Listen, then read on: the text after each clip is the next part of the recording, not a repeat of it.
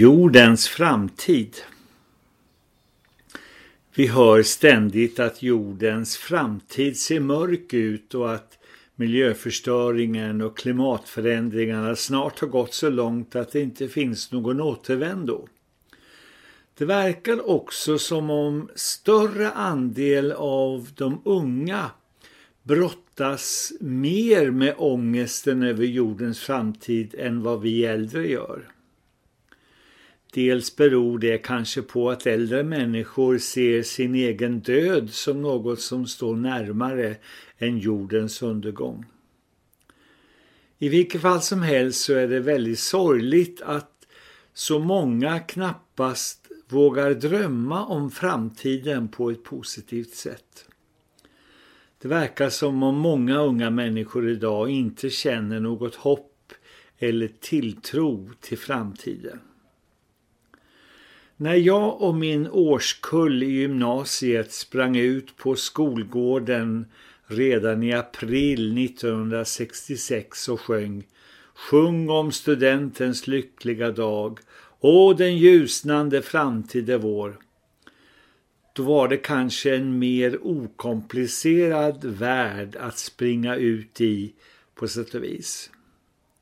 Nu är det så mycket larmrapporter om allting om luften och grundvattnet och isarna vid polerna som smälter och om ozonskiktet som skadas så solen bränner för mycket etc. etc. Vi är också olika som människor i om vi lättare tar till oss larmrapporter än positiva signaler. Om vi är pessimister eller optimister. Nu ber jag dig ha lite tålamod med en kanske alltför optimistisk låtsasmorfar. Men jag skulle vilja prata lite om framtid och hopp för oss själva och jorden trots larmsignaler och miljöhot och andra hot. Låt oss verkligen vara rädda om vår planet, om miljön. Låt oss göra det vi kan för att spara resurser för kommande generationer.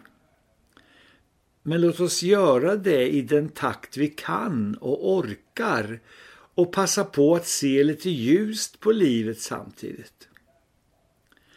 Det gamla ordet förtröstan behövs mer än någonsin idag. Det betyder tillit och en viss lugn förhoppning att det kanske kommer att gå rätt så bra i alla fall.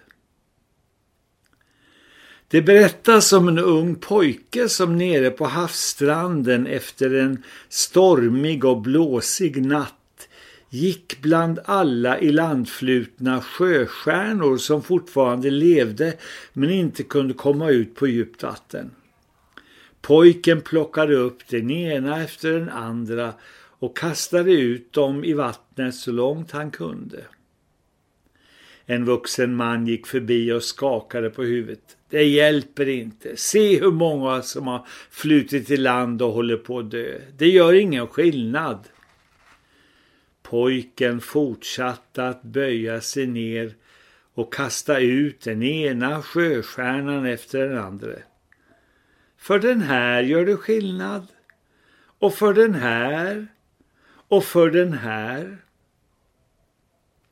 Katastrofrapporterna om luften och ozonskiktet och miljön och isarnas smältning och den globala uppvärmningen kan uttryckas på sånt sätt att vi tror att allt kommer att braka ihop nästa år eller om tio år.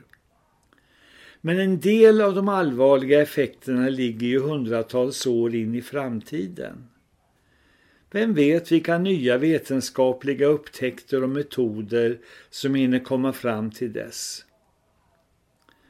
Vad gäller larmrapporterna om grundvattnet här i Sverige så slutar vissa människor aldrig att klaga och varna hur mycket det än regnar och hur mycket vissa stora vattenmagasin fylls på och trots alla våra 70 000 sjöar och alla åar och älvar och bäckar i vårt land. Vi kan väl åtminstone se att vi är ett av de folk i världen som allra minst behöver oroa oss för bristen på vatten. Vår jord och våra hav har trots allt en envis seghet och tålighet och förmåga till upp återhämtning och överlevnad som är fantastisk. I en dokumentär tv-serie om världshaven som jag såg berättades det om hur snabbt svårt skadade delar av havet och växtligheten och faunan där återhämtar sig om de får vara i fred bara några år. Låt oss vara seriösa och värna om vår planet och våra resurser men låt oss unna oss att vara lite glada emellanåt och njuta lite av livet. Nu ska jag lite kort sammanfatta de stora dragen i berättelsen om jordens framtid är det jag kallar mitt universum, alltså Bibelns undervisning om de här frågorna.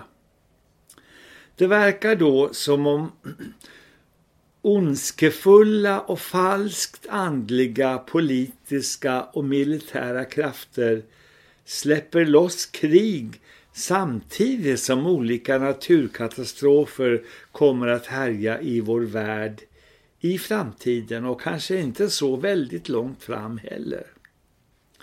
Det här kommer att kulminera i att mycket i världen går under. Men i denna till synes olösliga kris för världen kommer Jesus Kristus tillbaka från himlen till jorden och binder ondskan och skapar fred och upprättelse av jorden så att den blomstrar och blir liksom renad och pånyttfödd i ett tusenårsrike. Och efter de tusen åren blir det ännu en kort prövotid för jorden då ondskan liksom släpps loss igen och många människor på nytt väljer ondskan. Efter detta uppror från djävulen och ondskan kommer yttersta domen och skapandet av en ny himmel och en ny jord. Ett slutgiltigt och evigt paradis. Med denna livsåskådning som grundövertygelse så vill jag leva på följande vis. Jag vill leva miljömedvetet och vara rädd om vår planet och mina medmänniskor. Även om jag vet att den slutgiltiga lösningen inte ligger i mina utan i Guds händer. Därför kan jag känna förtröstan och glädje och hopp i mitt liv och njuta av det som Gud ger. När jag lever på Guds och det goda sida här och nu och följer frälsaren Jesus Kristus, då är jag för alltid med i det som har ett hopp och en framtid långt bortom hoten för vår värld idag.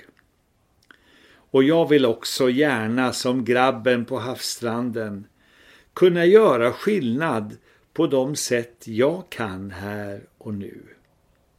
Hälsningar från morfar.